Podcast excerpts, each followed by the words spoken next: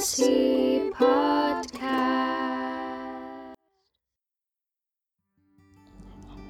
podcast.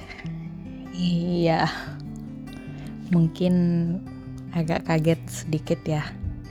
Kenapa balik-balik bikin podcast gitu?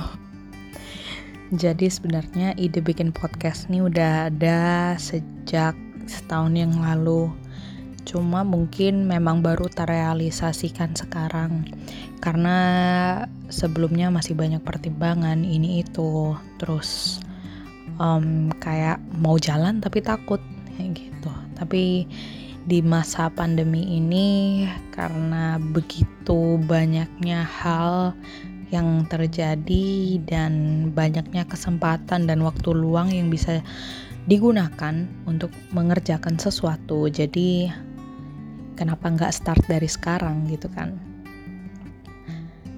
Salah satu temen aku bilang kalau kamu tuh punya banyak potensi, tapi kalau kamu takut start terus, ya kapan kamu tahu ketika kamu masih berpikir aku harus mulai gimana, aku nanti ke depannya bakal gimana, mungkin di belakang kamu ada orang yang less potential than you, itu sedang berusaha berlari sedangkan kamu merangkak aja takut kayak gitu. Jadi ya at the same time ya udah deh mari kita coba gitu.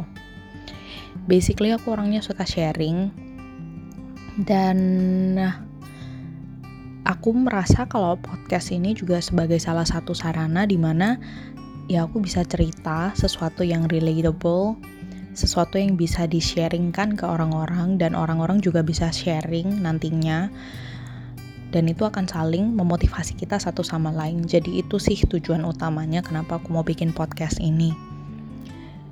Ya bisa dibilang uh, podcast yang sederhana banget sih, podcast rumahan banget.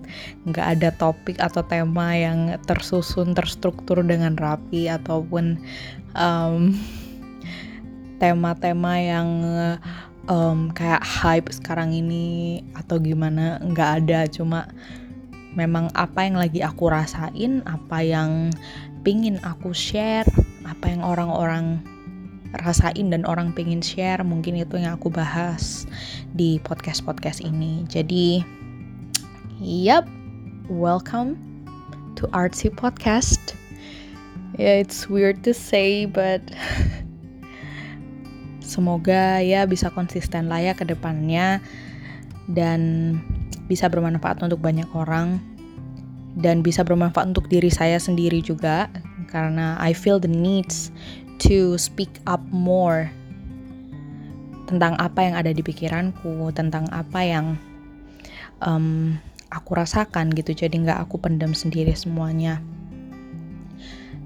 Ya hopefully akan bisa berjalan lama juga dan bisa berkembang juga. Aku nggak mau minta yang muluk-muluk. I just want someone to listen to me kayak gitu. Jadi ya semoga kalian enjoy nanti ke depannya dan thank you for listening. And always remember, there's always someone who listens.